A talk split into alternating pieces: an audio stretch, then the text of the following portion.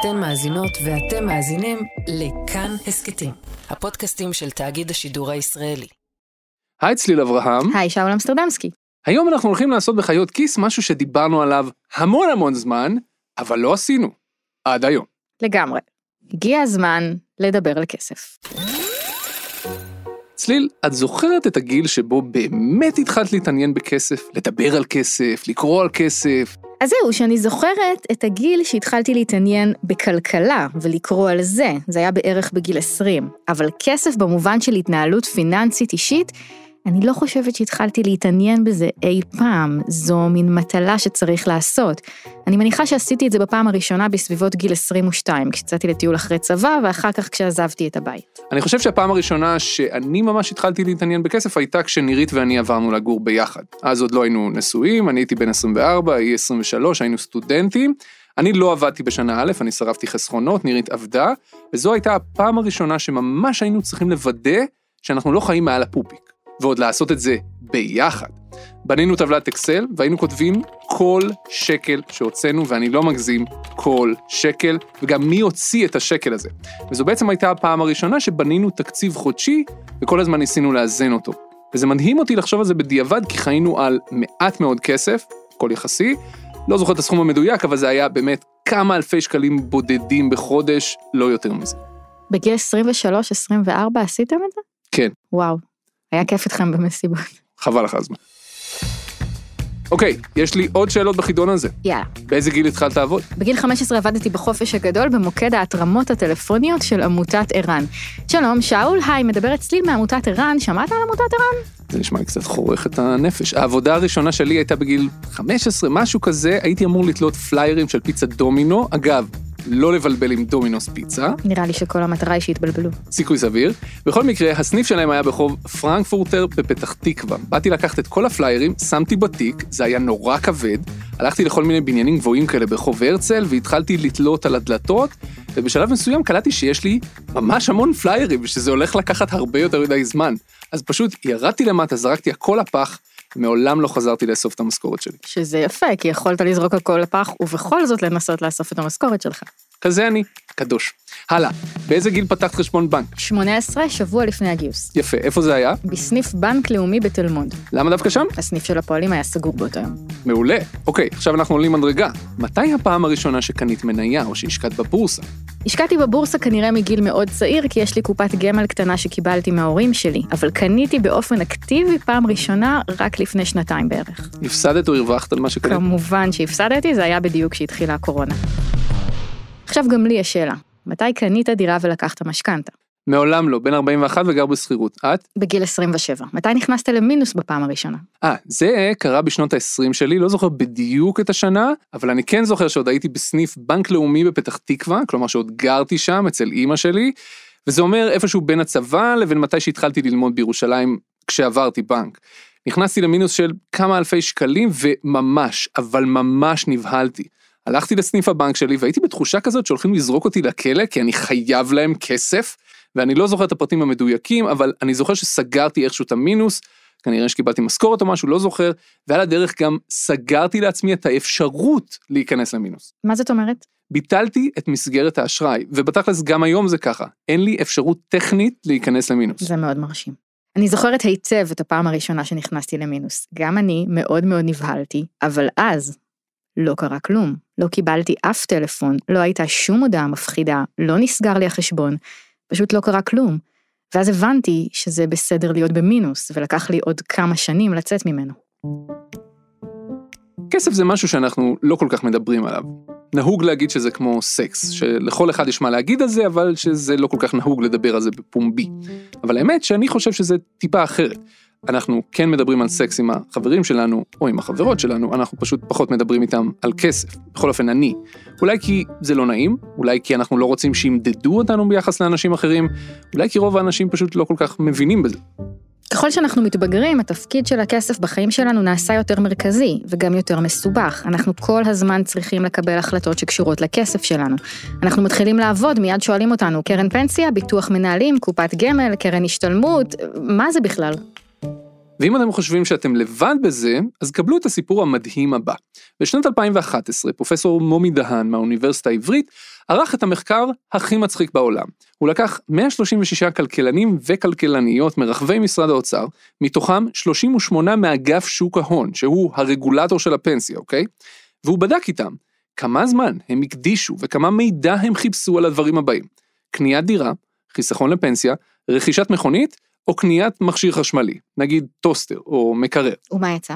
מה שיצא הוא שאפילו אנשים שעובדים במשרד האוצר, אפילו אנשים שעובדים באגף שכל העבודה שלו זה לפקח על מערכת הפנסיה הישראלית, מקדישים יותר תשומת לב לטוסטר שהם קונים מאשר לפנסיה שלהם. ואני לא צוחק, זה המצב. חלק גדול מאנשי האוצר, יותר משליש, לא ידעו להגיד בכלל מה דמי הניהול שהם משלמים ומה התשואה שהם מקבלים על הפנסיה שלהם. ואם זה המצב אצלם, אל תרגישו רע אם זה המצב גם אצלכם. וזה ממש לא נגמר בפנסיה. פתאום אתם מוצאים את עצמכם נכנסים לבנק לקחת משכנתה, פתאום נולדים ילדים ומציעים לכם ביטוחי בריאות, או ביטוחי חיים, או ביטוח סיעודי, לכל מקרה שלא יהיה. כל אחד מהדברים האלה זה דבר מסובך שצריך להבין בו בשביל לקבל החלטה נכונה. וככל שהחיים יסתבכו, אולי תיכנסו למינוס שלא תבינו איך יוצאים ממנו. וככל שתתקדמו, אולי יצטבר לכם קצת כסף בעובר ושב, שלא תדעו מה לעשות איתו. ממי בכלל מבקשים עזרה? איך יודעים מה עושים עם כל זה? וזה בדיוק הקטע. אף אחד לא מלמד אותנו בשום שלב מה התשובות לכל השאלות האלה. אף אחד לא לוקח אותנו יד ביד ועוזר לנו לקבל את ההחלטות האלה. ההורים שלנו לפעמים יודעים, לפעמים לא. החברים שלנו די נמצאים איפה שאנחנו. בקיצור, יש פה בעיה. אל הוואקום הזה נכנס השוק הפרטי ומנסה להציע כל מיני פתרונות. תגידי, מתישהו בשנה האחרונה קיבלת שיחת טלפון שהלכה בערך ככה. אהלן, מדברת שיר, אני מחברת אה, פסגת פתרונות אה, פיננסיים. אני רואה שזכית בהטבה לעשות אופטימיזציה לתיק הביטוחי שלך ללא עלות.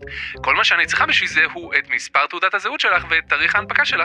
בשנה האחרונה אני מקבלת שיחה כזאת כל שבוע, וזה שיפור מהמצב שהיה לפני שנה-שנתיים, שאז הם היו מתקשרים ואומרים לי שיש לי חוסרים בתיק הביטוחי שלי, והייתי מסבירה להם שאסור להם להגיד דבר כזה על פי ההוראות של רשות שוק ההון, והיינו אוכלים אחד לשני את הראש בענה.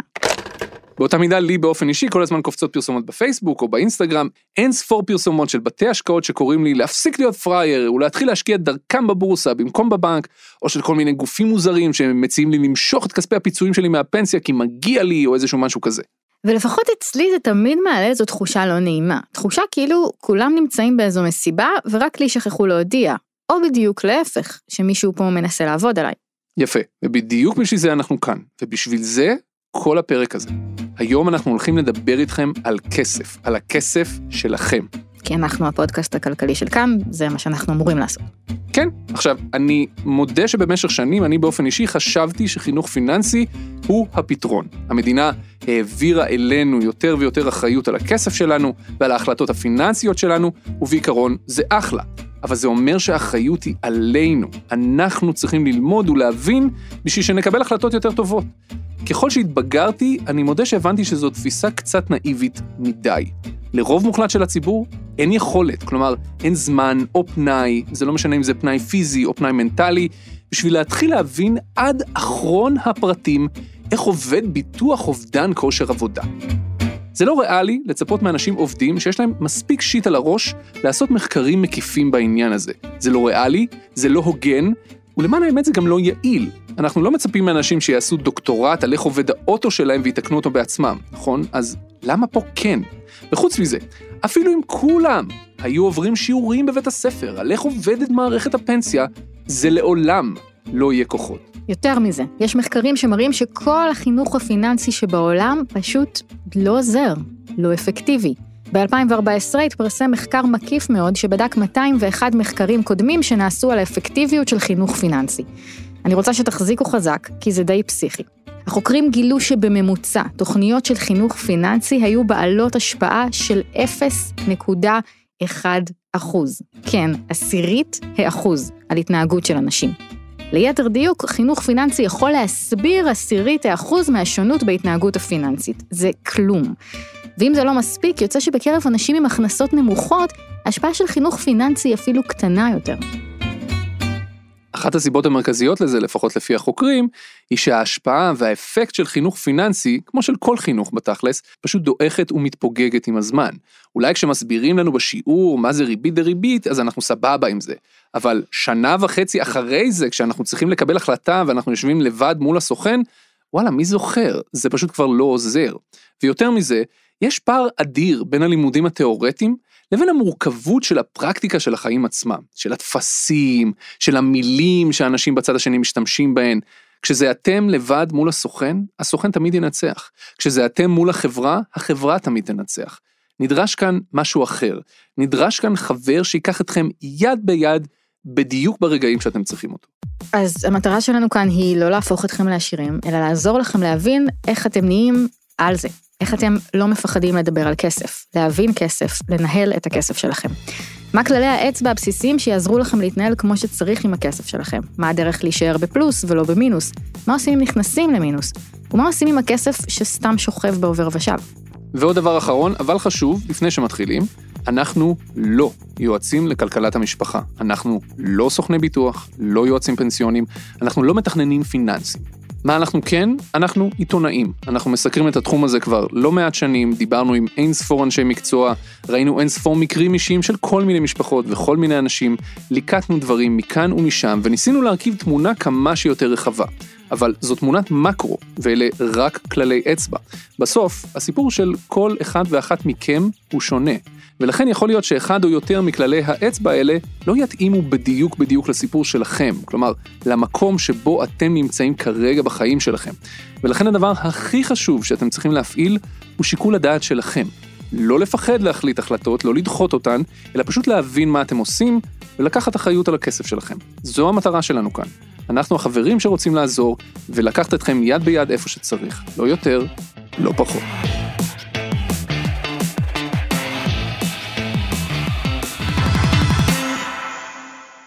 אוקיי, מוכנה? מאז ומתמיד. כלל ראשון, התזרים הוא המלך. מה זה אומר? זה אומר שהאתגר הכי גדול שלכם בכל חודש יהיה לצלוח את החודש. וזה אולי נשמע טריוויאלי, אבל זה לא. בסוף, מה שהפיל את כל הטייקונים הגדולים מנוחי עד פישמן, זה התזרים. העובדה שפתאום התייבש זרם הכסף מהחברות שהם החזיקו, והם כבר לא יכלו להחזיר את החובות שלהם. ובדיוק באותו אופן, אם גם אתם תיקחו על עצמכם יותר מדי חובות, ותקנו איתם כל מיני נכסים, נגיד דירות, ויום אחד פתאום יתייבש לכם זרם ההכנסות, כי נגיד יפטרו אתכם מהעבודה, האתגר הכי גדול שלכם יהיה לעבור את החודש. זה לא כל כך יעזור לכם שיש לכם דירה איפשהו, עם דירה לא קונים במכולת, עם כסף, כן. וזה אולי נשמע פשטני, כי אנחנו מציגים את זה פה קצת פשטני, אבל העיקרון הוא מה שחשוב פה.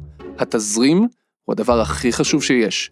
ולכן כל ההתנהלות הכספית שלכם צריכה להיות מבוססת על זה שגם אם קורה משהו, אתם מסוגלים לעבור את הטווח הקצר.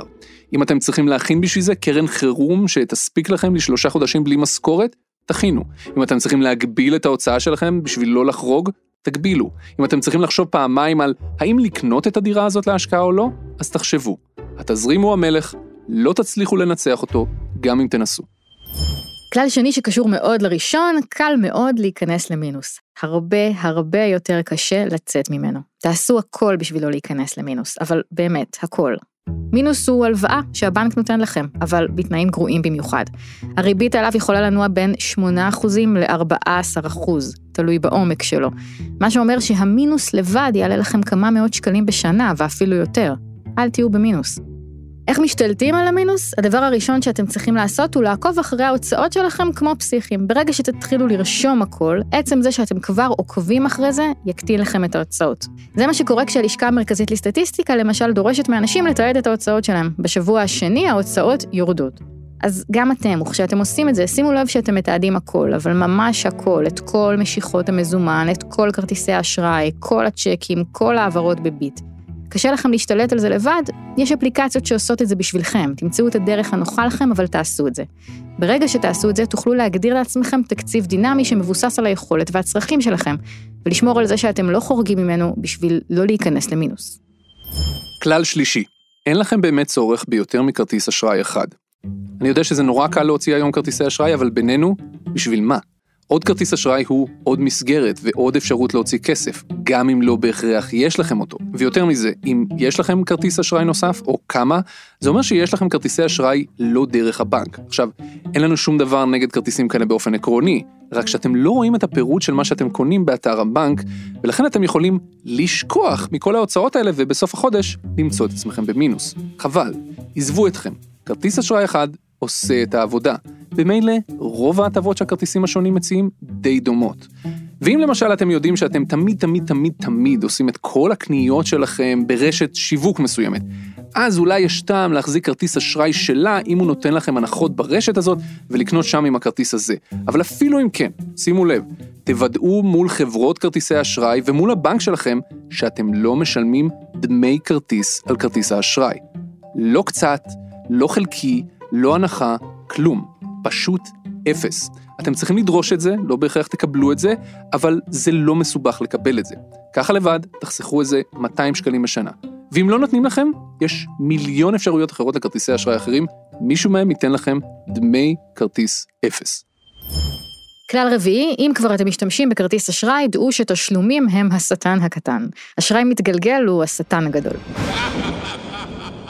כשאתם פורסים קנייה לתשלומים, אתם אולי עוזרים לתזרים שלכם בטווח הקצר, וזה אחלה, אבל אתם עלולים לסכן אותו בטווח הבינוני. כשפורסים לתשלומים, בעיקר כשעושים את זה להרבה תשלומים, קל מאוד לשכוח אותם ברגע שאנחנו רוצים לקנות את הדבר הבא, ואז אנחנו פורסים גם אותו, ומהר מאוד אנחנו מוצאים את עצמנו עם תשלומים בלתי נגמרים, שנערמים להוצאות גדולות מאוד שקשה לשלוט בהן. כל מה שאתם יכולים לשלם בתשלום אחד, עשו זאת. ואם זה ממש ממש קשה לכם, חישבו פעמיים אם אתם באמת יכולים להוציא את ההוצאה הזאת. ואם הגעתם למסקנה שכן ושאין ברירה, לכו על זה, אבל תנסו הכי מעט תשלומים שאפשר. ולא משנה מה תעשו, אל תשלמו במסלול של תשלומי קרדיט. יש על זה ריבית, והיא יכולה להגיע גם ל-16%. אל תעשו את זה. ועוד משהו, אל תתפתו להיכנס למסלול של אשראי מתגלגל. חברות כרטיסי אשראי לא קוראות לזה ככה, הן מייפות את זה ומציעות לכם תוכנית שבהן אתם משלמים כל חודש סכום קבוע בכרטיס. נגיד 7,000 שקל, וכל הסכום מעבר לזה מועבר לחודש הבא. וכן הלאה והלאה. אל תעשו את זה. אתם תגלו שאתם חייבים המון כסף לחברת כרטיסי אשראי תוך זמן קצר.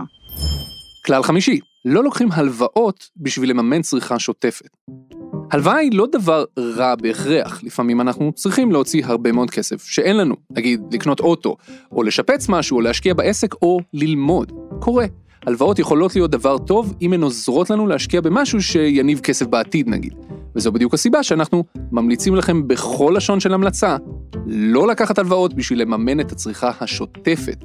אם אתם צריכים כסף בשביל לקנות איזה מכשיר חשמלי מדהים, או בגדים, או אוכל, או כל דבר אחר שנכנס לקטגוריות של דברים שאנחנו קונים באופן די שוטף, זה סימן שמשהו לא בסדר.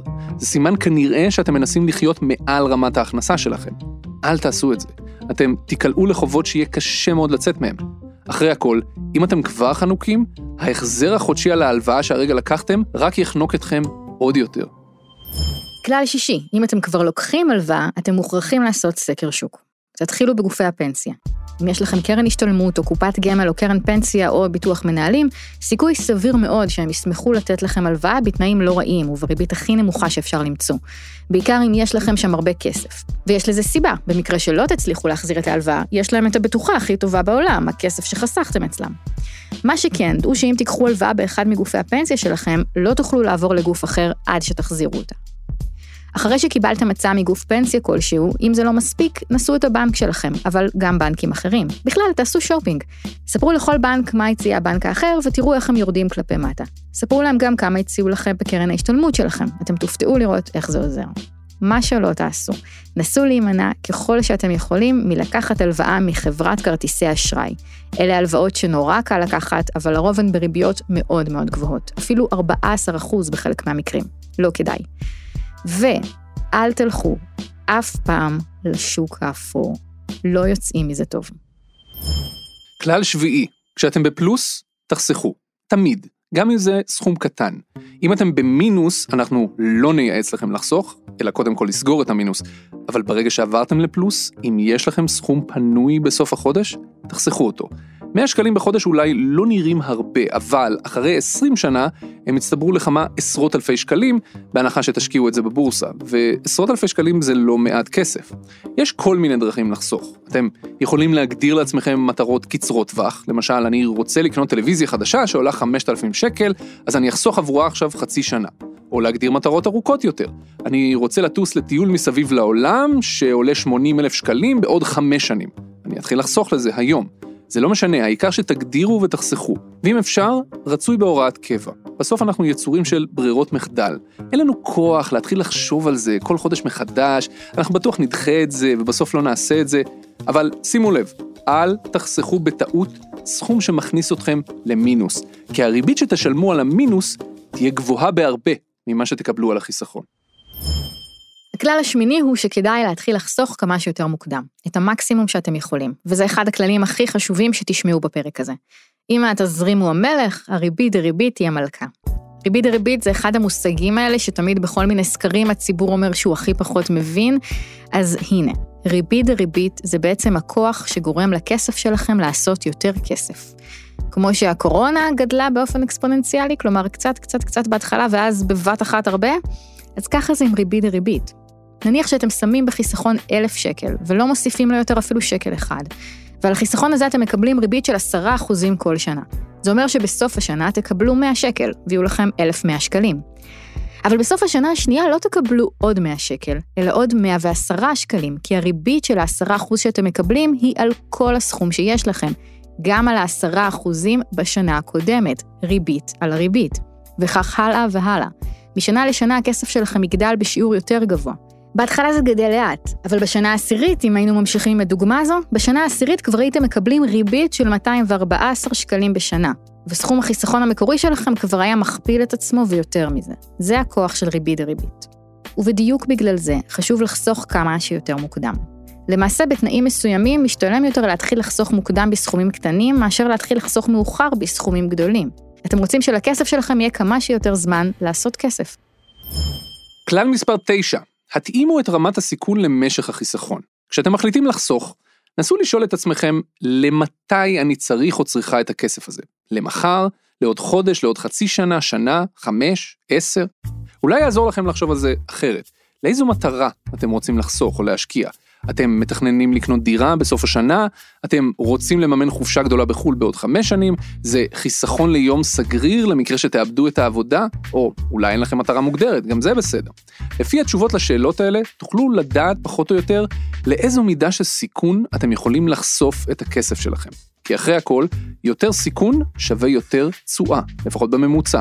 מה שאומר שאם תסכנו את הכסף שלכם, אז בממוצע יש לכם יותר סיכוי שהוא יעשה יותר כסף. אם אתם צריכים את הכסף למטרה מוגדרת בתוך פרק זמן קצר יחסית, נגיד בתוך שנה או פחות, אתם תרצו לקחת עליו כמה שפחות סיכון, כי אתם ממש צריכים את הסכום הזה. אבל ככל שהתשובה לשאלות האלה היא שאתם צריכים את הכסף רק בעוד הרבה זמן, נגיד חמש שנים או עשר שנים או יותר, אז אתם יכולים לשקול לקחת על הכסף שלכם יותר סיכון. עכשיו, למה אנחנו מתכוונים בכלל כשאנחנו אומרים יותר סיכון? אז אנחנו מתכוונים להשקעה בשוק ההון, ובפרט על אחוז גדול של מניות. כשאתם סוגרים כסף בפיקדון בבנק, אז הבנק נותן לכם בתמורה ריבית, אבל הריבית הזאת היא מאוד מאוד נמוכה. היום זה יכול להיות ממש ריבית אפסית. זו ריבית כל כך נמוכה משום שהסיכון כאן הוא על גבול הלא קיים. רק אם הבנק יקרוס לא תראו את הכסף בחזרה. בשוק ההון זה אחרת. כשתשקיעו את הכסף שלכם בשוק ההון, בבורסה, אתם תסכנו אותו. אתם מסתכנים בכך שהערך שלו יישחק, אולי אפילו מאוד יישחק, ואתם צריכים להיות מודעים לסיכון הזה. לא כל השקעה בשוק ההון היא מסוכנת באותה מידה. אנחנו לא ניכנס כאן לקורס שלם של מה זה בורסה ואיך משקיעים שם נכון וכאלה. מי שרוצה הרחבה בעניינים האלה, הרשת מלאה במדריכים, באמת מלאה, אבל הנה בתמצית. בגדול, השקעה במניות היא השקעה יותר מסוכנת מאשר השקעה באגרות חוב של הממשלה למשל. הסיכון שמניה של חברה מסוימת תרד הוא הרבה יותר גדול מאשר שהממשלה שאתם מלווים לה כסף לא תחזיר לכם אותו במועד עם הריבית שהובטחה. כי היציבות של חברה מסחרית, לא משנה איזה חברה, היא יותר קטנה מאשר היציבות של הממשלה. ולכן, בעיקרון, ככל שתשקיעו יותר מהכסף שלכם במניות, זה אומר שאתם מסכנים אותו יותר. אבל, איפה שיש סיכון, יש סיכוי. אם אתם הולכים על השקעה לטווח ארוך, אם תשקיעו את הכסף שלכם במניות, ההיסטוריה מראה שהכסף שלכם יעשה הרבה יותר כסף, בממוצע. מה שכן, שימו לב שאם אתם משקיעים למשל לעשר שנים, יכול להיות שתרצו להקטין את רמת הסיכון ככל שתתקרבו לקצה הזה של העשר שנים, אחרי הכל. אם הבורסה תיפול ב-30% נגיד, בשנה הראשונה, כמו שקרה בתחילת הקורונה, אז יש לכם עוד מספיק זמן בשביל שהבורסה תעלה שוב. אבל, אם היא תיפול בשנה האחרונה מתוך העשר, אז אתם בבעיה. ובעצם, בשנה האחרונה, החלטת ההשקעה כבר צריכה להתנהג כאילו אתם חוסכים לטווח הקצר. יש עוד המון מה להגיד על זה, אבל אנחנו נעצור פה. פשוט חפשו את הפורום המתאים באינטרנט להתייעץ בו, או לכו לאיש או אשת מקצוע שזו העבודה שלהם. כל יום שהכסף שלכם סתם שוכב בעובר ושב, הוא יום מבוזבז שלא יחזור. הנה, הייתי הדוד הזה. כלל מספר 10, דמי ניהול הם הרוצח השקט. בדיוק כמו שהריבית דריבית מגדילה את הכסף שלכם בטירוף ככל שעובר הזמן, כך דמי הניהול שאתם משלמים לאנשים שמנהלים את החסכונות שלכם, מקטינים אותם.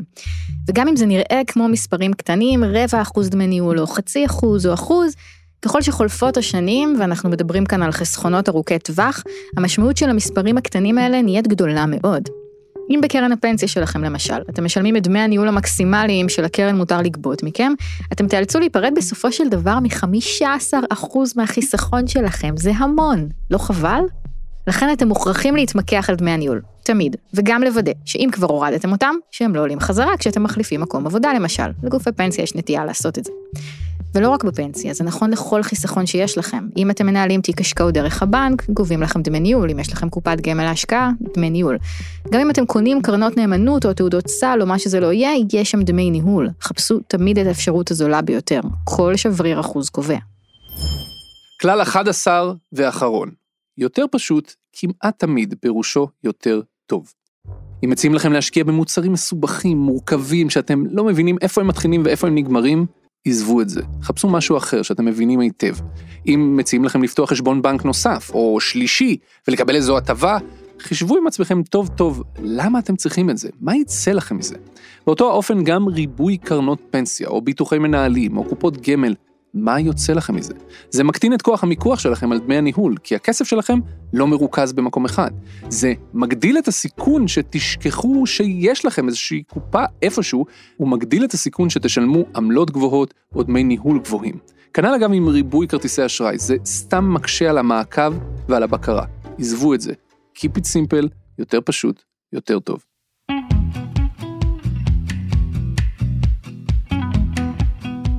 טוב, זה בסך הכל מאוד פשוט. נכון?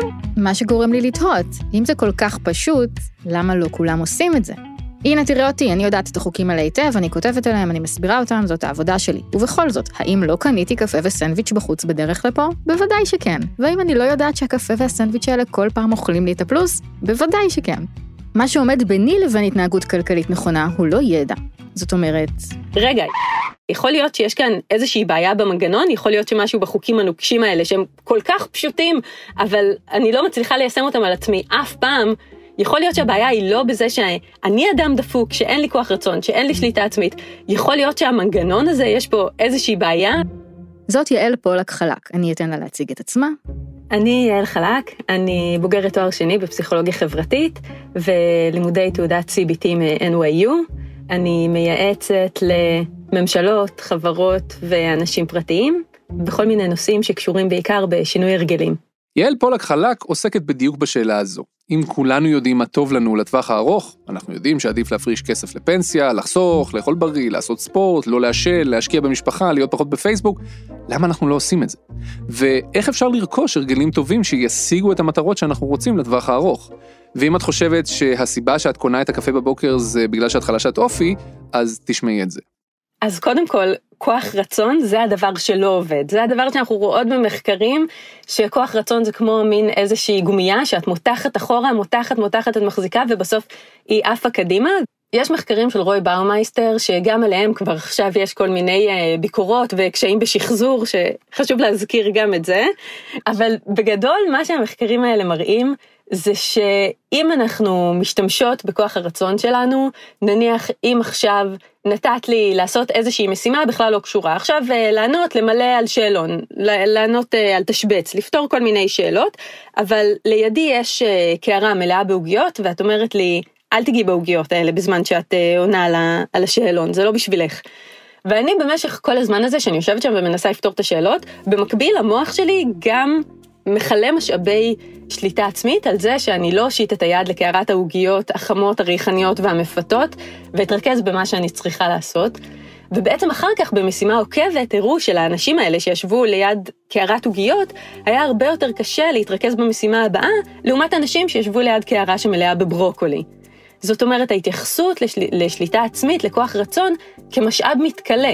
לפי יעל, מה שמבדיל בין אנשים הוא לא כוח רצון, הוא ההרגלים שהם סיגלו לעצמם. והאנשים שמצליחים לשנות הרגלים ולהתמיד בדברים, הם לא אנשים שיש להם כוח רצון יותר חזק, אלא אנשים שמעצבים לעצמם סביבות שיש בהן פחות פיתויים.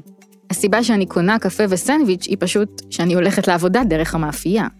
זאת אומרת, אם את כל יום תעברי בתוך המאפייה וליד הדוכן קפה, אז הסיכוי שתצליחי באמת, ביום הראשון תצליחי להחזיק את עצמך, או בבוקר תצליחי להחזיק את עצמך, אבל אחר הצהריים, שאת כבר אחרי יום ארוך של עבודה ואת מרגישה כבר בדיפלישן, כבר את כל משאבי השליטה העצמית שלך, את כבר הוצאת במקומות אחרים, יהיה לך מאוד קשה לעמוד בזה.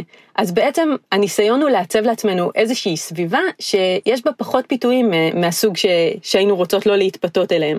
אבל זה לא רק זה, הרגלים גרועים הם גם פשוט המחשבות שלנו. יעל מסבירה שגם כשאנחנו מצליחות לרכוש הרגלים חדשים וטובים יותר, ההרגלים הישנים אורבים לנו בסיבוב, כשאנחנו מיואשים או עצובים או מאוכזבים.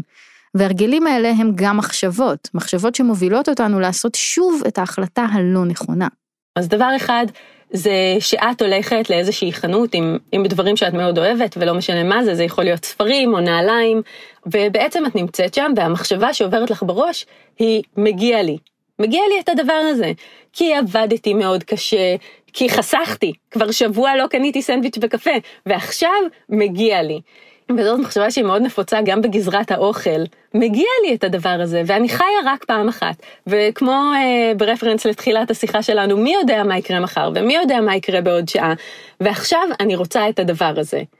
ואני חושבת שבכסף זה גם הרבה פעמים אנחנו קונות דברים לאנשים אחרים, ואז זה אפילו עוד יותר מסתבך, כי כשאני עומדת מול הדבר הזה שהילד שלי אומר לי, אמא, את יכולה לקנות לי את הדבר הזה, יש פה כל כך הרבה מחשבות שיכולות לרוץ לי בראש על, על איזו אמא אני, ואיזה ילד הוא, ומה אני יכולה לאפשר לו, ואיזה חיים, וזה לוקח אותנו למקומות שהם כל כך הרבה יותר רחוקים מתוציאי פחות ממה שאת מכניסה, שזה המקבילה לדיאטה של אה, תוציאי יותר קלוריות ממה שאת מכניסה. אבל בעצם אנחנו נושאות על גבנו הר של מחשבות שכל הזמן מתרוצצות לנו בראש, ואני חושבת שהיכולת שלנו לנהל אותן, היא עומדת בבסיס היכולת שלנו לנהל את התקציב הקלורי או הכספי שלנו.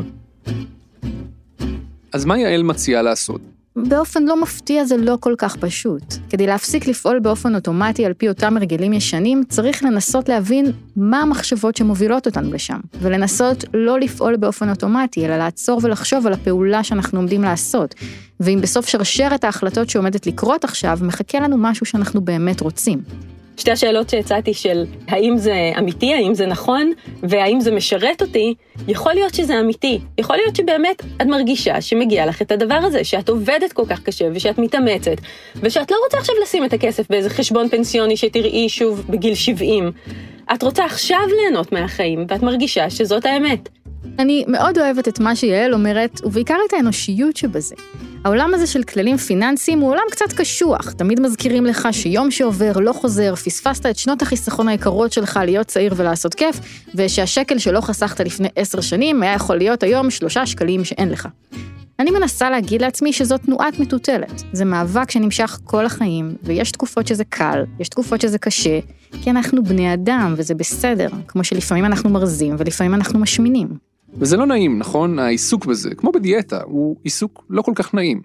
זה נכון. אבל... זה שני דברים לא נעים. תכירו את נועם. כל המושגים היום והבירוקרטיה, לא יודעת, רוצים שזה יהיה לא נגיש. אבל דווקא, אגב, התחושה שלי זה שאנשים רוצים מאוד להתעסק בזה, לפחות, לא יודעת, מהאנשים סביבי, הם כאילו, הם רוצים לעשות את זה, אבל באמת בדרכים הרבה יותר אה, קלילות וקלות ונעימות. כן, והם רוצים עד כדי, זה כמו אחרי החגים דיאטה. וגם את נועם. כאילו הם רוצים, ואז הם, אתה יודע, פותחים את הממשק של הקרן פנסיה שלהם באינטרנט, והרצון הזה עובר להם. נועם ונועם הם זוג. הם בעל ואישה, הם בני 27 ו-26, הם הורים צעירים לזיו, ילדה קטנה וחמודה, והם גרים בלוד. נועם הבן עובד כמנהל מוצר בהייטק. נועם הבת עובדת באשכול רשויות השרון בתור מנהלת תחום התחבורה. צריך להפוך את זה למשהו נחמד, כאילו, אין, זה לא נחמד. כשזה באפליקציה וכשעושים מזה דברים נחמד, כאילו באמת צריך להקליל את האווירה סביב הדבר הזה, כי אחרת זה באמת תיק כבד, ואני חושבת ששווה גם. א', להיעזר בעזרים, להיעזר בחברים, להיעזר, מי שצריך גם את האיש מקצוע ואת העזרה של מישהו שכזה יכריח אותו וייתן לו שיעורי בית, יכול להיות שגם זה עוזר לחלק מהאנשים. נועם מבט צודקת, כל ההתעסקות בפיננסים שלנו היא באמת אירוע לא נעים, ולכן קל לנו מאוד לדחות את זה, לדחיין את זה, להדחיק את זה, לא לפתח הרגלים סביב זה. נועם ונועם יודעים את זה, ולכן הם מנסים בכוח להפוך את זה למשהו קל יותר, נחמד. למשל, הם משתמשים באפליקציית RiseUp בשביל לעקוב אחרי כל ההוצאות שלהם בכל הכרטיסים ובכל הדרכים. פעם, כשהם היו סטודנטים תפרנים, הם היו עושים את זה ידנית, באקסל, אבל בשלב מסוים זה נעשה מסובך ומתיש, אז הם עברו לאפליקציה. אגב, אנחנו לא בקטע של לעשות פרסומת לרייזאפ או לכל אפליקציה או שירות אחר, יש כאלו שמציעים דברים דומים, לכו על מה שנוח לכם. העיקר שתהיו על זה. אבל שנייה, זה לא הכל. נועם ונועם סיפרו לי שהם עושים יותר מזה. הם באמת מנסים להפוך את זה למשהו יותר כיפי. סוג של. אנחנו מחליטים שזה יהיה משימה זוגית. הפכנו את זה להיות משהו שלשנינו, אנחנו שנינו רוצים להשתפר בו ושנינו רוצים להתקדם בו. אני חושבת שזה משהו שעשינו כל חודש, אני אולי אקפוץ, אעשה ספוילר לסוף, אבל הפכנו את זה גם לחוויה חיובית, כאילו, בוא נצא לבית קפה ונעשה את זה ביחד. במקום שזה יהיה איזה מקור למתח, יושבים ביחד ומתכננים את החיים. זה חמוד, לא? האמת שכן, יש בזה משהו חמוד. נועה מספרת שהם מנסים לקבוע לעצמם פעם בחודש או פעם בחצי שנה, בתדירות שזה נראה להם חשוב, לצאת לבית קפה עם המחשבים ולעשות בילוי פיננסי. להגדיר מה היעדים נגיד לשנה הקרובה. ואז... ואפילו יצאנו מהפגישה הזאת עם משימות, כאילו עשינו אה, זה בקיפ, מה המשימות שצריך לעשות. אני לא אגיד שסיימנו את כל המשימות, כי זה תמיד משימות בירוקרטיות כאלה, אבל אה, מקווה שאנחנו נעשה אותן בקרוב. כמו מה למשל? הנה, למשל קופת גמל, אז uh, רצינו לעבור לאיזה מסלול אחר, אז לעשות השוואת מחירים על, uh, על דמי ניהול, קצת להתמקח על הסיפור הזה, כי כרגע אנחנו מרגישים שהדמי ניהול שלנו קצת גבוהים מדי. בעצם לעשות, uh, זה משהו שעשינו האמת לפני שקנינו דירה, ועכשיו אנחנו רוצים לחזור אליו, לעשות הוראת קבע לחיסכון. זאת אומרת, להפוך את החיסכון לדיפולט, כאילו, לזה ש... אני לא אה, רק אה, מסיים את החודש, רואה כמה נשאר לי ואז מכניס לחיסכון, אלא כמו שאני יורד לשכר דירה, אז יורד לי גם כסף קבוע לחיסכון. נועם ונועם סיפרו לי שזה פטנט טוב גם בשביל לייצר הרגלים ומחויבות, גם בשביל ששני בני הזוג יתמכו אחד בשני, וגם יש לזה עוד אפקט. בתחילת הדרך, כל המעקב אחרי הוצאות וזה הכניס לא מעט מתח לזוגיות שלהם, כי פתאום התחילו כל מיני דיונים על רגע, למה אתה מוציא כסף על זה, ולמה את מוציאה כסף על זה? את יודעת, בני זוג, לא תמיד סדרי עדיפויות שלנו מסונכנים פיקס. נכון. אז ברגע שהם עברו לשבת על התקציב שלהם ברמת המקרו, ולהגדיר סכומים לכל סעיף של הוצאה, נגיד, כמה כסף להוציא בחודש לאוכל בחוץ, זה די פתר חלק גדול מהריבים על המיקרו. כי אם יש לנו תקציב לאוכל בחוץ, אז מה זה משנה אם את אכלת פלאפל ואני אכלתי שניצל? או אם יש לנו תקציב חודשי או חצי שנתי למוצרי חשמל, זה די חוסך ממני לריב איתך על הטוסטר משולשים שקנית, שהוא אגב אחלה טוסטר משולשים.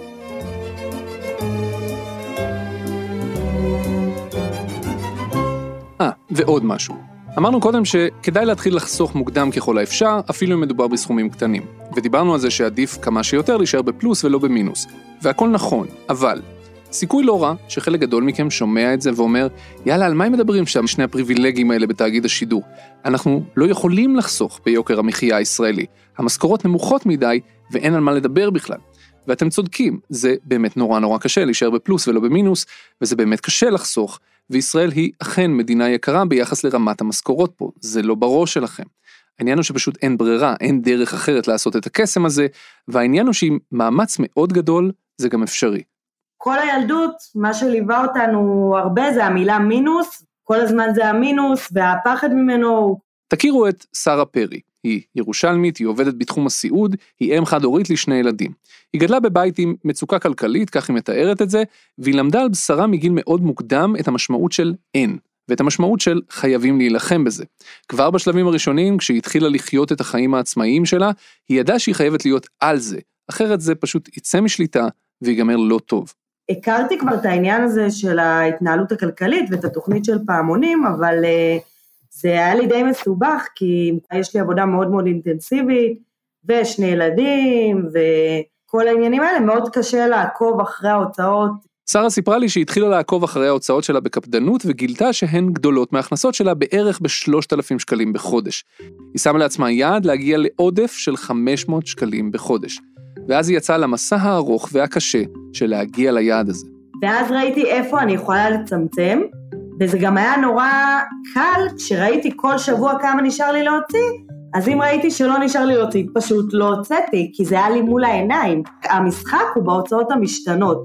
ואז ראיתי כמה אפשר לשחק בעניין של ההוצאות המשתנות. זה שזה אפשרי, לא אומר שזה קל. זה לא קל, זה קשה. ולא כל האנשים יכולים להצליח בזה באותה מידה, החיים של כולנו לא שווים, וצריך גם מעגלים של תמיכה ורשתות של רווחה שיתפסו אתכם לפעמים, אבל אין שום ברירה אחרת. כמה שזה נשמע מוזר, אני מרגישה שיש לי, כאילו, אני יכולה.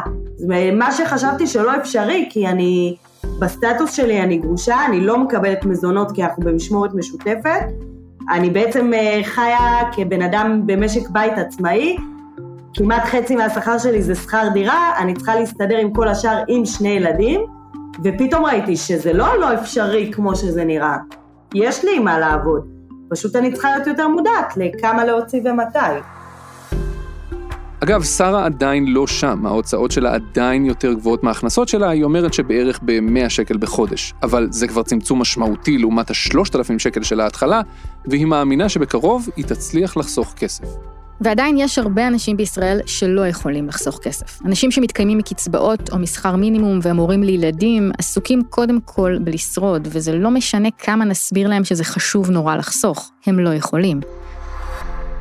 אני חושבת שכל מי שעבר ממינוס כרוני למצב שהוא חוסך כסף באופן קבוע, אני יכולה להעיד על עצמי, מכיר את תחושת הרווחה הנפשית שפתאום באה עם זה. יש איזה זמזום מטריד ברקע כל הזמן, ויום אחד הוא נפסק. והתחושה הזאת שאתה יכול להרגיש קצת יותר ביטחון ולתכנן לעצמך את העתיד, עבור חלק מהאנשים היא מותרות. כי מבחינת מדיניות, כשהמדינה קובעת מה גובה הקצבאות שהיא משלמת, או מאיזה שכר היא לוקחת לבן אדם את הקצבה שלו, או כשהיא קובעת מה שכר המינימום, היא בעצם קובעת לאנשים האלה שיהיה להם בקושי מספיק כדי להתקיים, לפעמים גם פחות מזה. הרעיון הזה שכל אחד צריך לחסוך, שזה חלק מחיים בביטחון ובשלווה, הוא לא רק פרויקט אישי של כל אחד מאיתנו, לדעתי הוא גם צריך להיות מטרה חברתית. וואו, זה היה ארוך. כן, אבל אה, היינו בפגרה ארוכה, אז אה, בואו נפרגן למאזינים שלנו פרק מאוד ארוך. זהו, עכשיו זה בידיים שלכם. קחו מהפרק הזה מה שתיקחו, העיקר שתיקחו משהו. וזכרו, לא כל מה שאמרנו כאן מתאים לכולם, ויש דברים שדיברנו עליהם באמת רק על קצה המזלג. אבל זה בדיוק החלק שלכם עכשיו. לקחת את זה מכאן לאן שמתאים לכם. לקרוא, ללמוד, לקבל החלטות, ואם יש לכם סיפור מעניין לספר על המסע שאתם עוברים עם הכסף שלכם, אז חפשו אצלי לא אותי בטוויטר וכתבו לנו. ובכל מקרה, דעו שאתם לא לבד בזה. חיות כיס הוא הפודקאסט הכלכלי של כאן, העורכת שלנו היא נועה בן הגיא, עורך הסאונד הוא אסף רפפורט. סייעה בעריכת הסאונד רחל רפאלי. תודה רבה צליל אברהם. תודה רבה שאול אמסטרדמסקי. ותודה רבה לכם שהאזנתם.